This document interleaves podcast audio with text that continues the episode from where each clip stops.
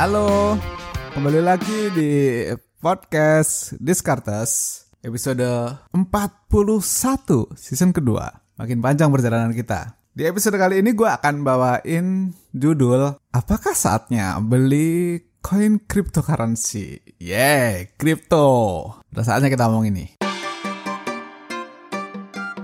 Buat teman-teman yang baru join ke podcast Discartes, ini adalah podcast tentang keuangan, investasi, ekonomi, dan bisnis. Di season kedua, gue akan challenge, gue akan kulik ide-ide dari buku, dari orang-orang, ataupun dari berita yang ada di sekeliling kita semua. Jelas ditambahkan dengan ide dari gue sendiri, tentu saja.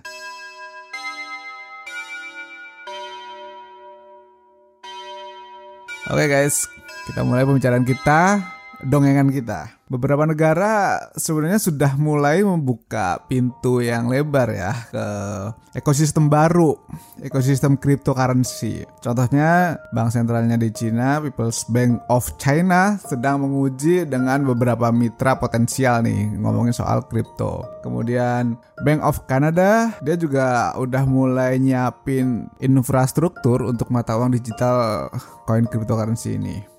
Bahkan orang sudah mulai bilang gini, kalau ngomongin sejarah uang itu kan fase pertama bisa dibilang masanya emas dan perak. Itu di Yunani ya. Terus kalau fase kedua uang buku nih di Amsterdam Exchange Bank kalau fase ketiga ya uang yang kita pakai sekarang, uang kertas yang dipakai buat jajan, buat beli makanan, minuman, buat ya bayar ini itulah. Makanya digadang-gadang si kripto ini jadi generasi keempat mata uang. Pertanyaannya, apakah bisa? Apakah mampu? Semua orang bertanya-tanya. Kebetulan fenomena yang menarik muncul nih di tahun 2020 di Dogecoin. Pada pertengahan 2020, koin ini naik ratusan persen karena viral ternyata si Dogecoin ini di platform TikTok global. Gara-gara TikTok global guys, sebuah koin kripto naik ratusan persen. Kalau dihitung dari awal Januari 2020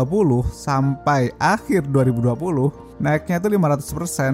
Wow sih. Dan itu berlanjut nih sampai Februari 2021 pas podcast ini gua take. So ini juga jadi kayak message buat semua orang ya kan. Jangan ngeremehin TikTok meskipun kata orang goyang-goyang, tapi ternyata komunitasnya lumayan kuat bukan lumayan tapi memang kuat sampai dia bisa mempengaruhi pergerakan sebuah koin. Ya kalau kita ngomong global jelas lah ya. Padahal ya pada awalnya Dogecoin ini ini kan karyanya Billy Marcus dan Jackson Palmer nih itu dianggap kayak joke gitu loh. Joke cryptocurrency meme cryptocurrency tapi karena kenaikan di tahun 2020 ini jadi memperkuat fanbase si koin. Padahal ketika kita ngomong cryptocurrency, kita harus melihat Oh, fanbase-nya kan. Nah, kenaikan ini tuh bikin tambah kuat fanbase-nya. Unik sih. Belum lagi ditambah pas akhir semester 2 2020 si Elon Musk dia nge-tweet beberapa kali tentang si Dogecoin ini dan wow, naiknya sih udah gak masuk akal. Apalagi kemarin beberapa waktu yang lalu, Februari 2021, si Elon juga masih nge-tweet tentang Dog Dogecoin ini. Dia nulis gini, The future currency of Earth Dogecoin to the moon. Bikin polling gitu kan 71% dia dapat polling itu. Polling yang kedua all other crypto combined 28%. Tapi sejujurnya gue tuh malah kayak khawatir gitu.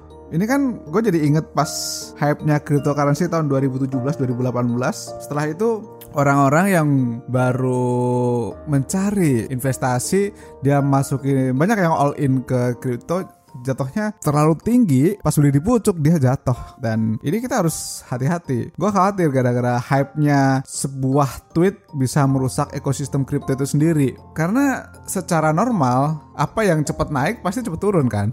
Itu akan balik lagi ke basis fundamental sebuah project kan gitu. Well itu contoh koin yang naik drastis. Sekarang gue akan tunjukkan koin yang ancur juga ya biar fair ya.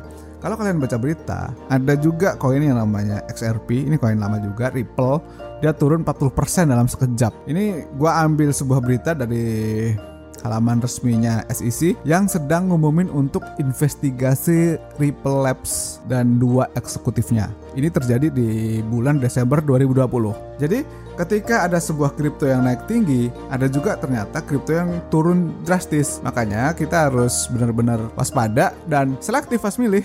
Kemudian akan muncul nih berbagai pertanyaan nih. Terus belinya koin apa Kanda? Apakah sudah saatnya kita beli koin Kanda? Dan macam-macam pertanyaan kayak gitu. Kita bahas sedikit ya. Evaluasi dengan ada lima poin yang mau gue share sekarang. Yang pertama adalah risiko tinggi.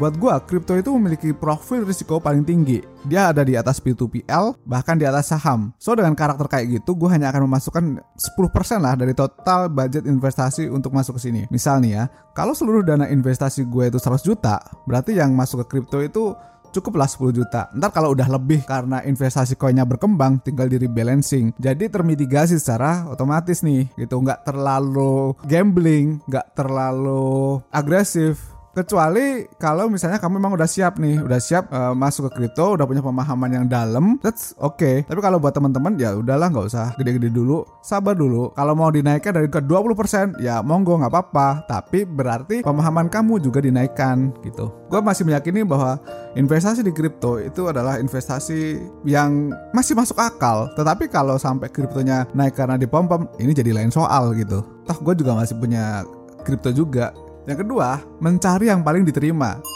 Sekarang kalau kalian tahu ya, ada seribu lebih koin di seluruh dunia. Apakah semuanya diterima oleh masyarakat? Enggak. Ingat, basis dari koin, basis dari kripto itu kan adalah untuk sebuah community. Jadi kalau community-nya gede, orang yang menerima itu banyak, maka ini lebih masuk akal dan lebih aman. Logiknya gitu kan. Ini cara yang sederhana aja dulu. Kalau buat teman-teman yang baru masuk koin, browsing-browsing aja dulu. Siapa aja sih yang bisa menerima koin ini? Kalau BTC itu dia paling lama dan paling legit kan. Jadi udah banyak yang bisa menerima koin ini. Yang ketiga adalah hati-hati dengan berita sekarang tuh eranya too much information. Jadi kita harus pilih-pilih mana berita yang layak untuk didengar atau enggak. So, kalian teman-teman investor, hati-hati dengan pom-pom, hati-hati dengan ajaran beli yang sebenarnya zong. Makanya, karena ini adalah uang dari kamu sendiri, tetap harus diteliti sendiri-sendiri dulu. Biar kamu yakin, biar kamu paham dan kamu siap dengan risiko yang ada. Nggak stres ketika dia turun. Yang keempat, kamu yakin nggak dengan projectnya?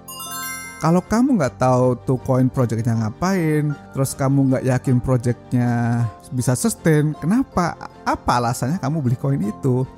Sama kayak kamu beli gelang atau batu dengan harapan naik, padahal nggak tahu apa penyebabnya ini bisa naik. So, sekarang coba kalian ngaca sendiri-sendiri. Make sense nggak crypto coin yang kalian koleksi itu projectnya itu sustain atau enggak? Jawab pertanyaan itu.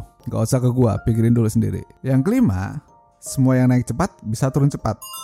Itu hukum yang normal berlaku. Hati-hati dengan hype. Kontrol emosimu biar nggak gampang loss. Karena volatilitas di cryptocurrency itu jauh lebih tinggi daripada dengan saham. Itu 5 poin simple yang gue share ke teman-teman semua. Sebenarnya berbasic pertanyaan yang bisa kalian pikirkan lebih mendalam. Oke, sampai jumpa lagi di podcast Discartes episode selanjutnya. Thank you and bye-bye.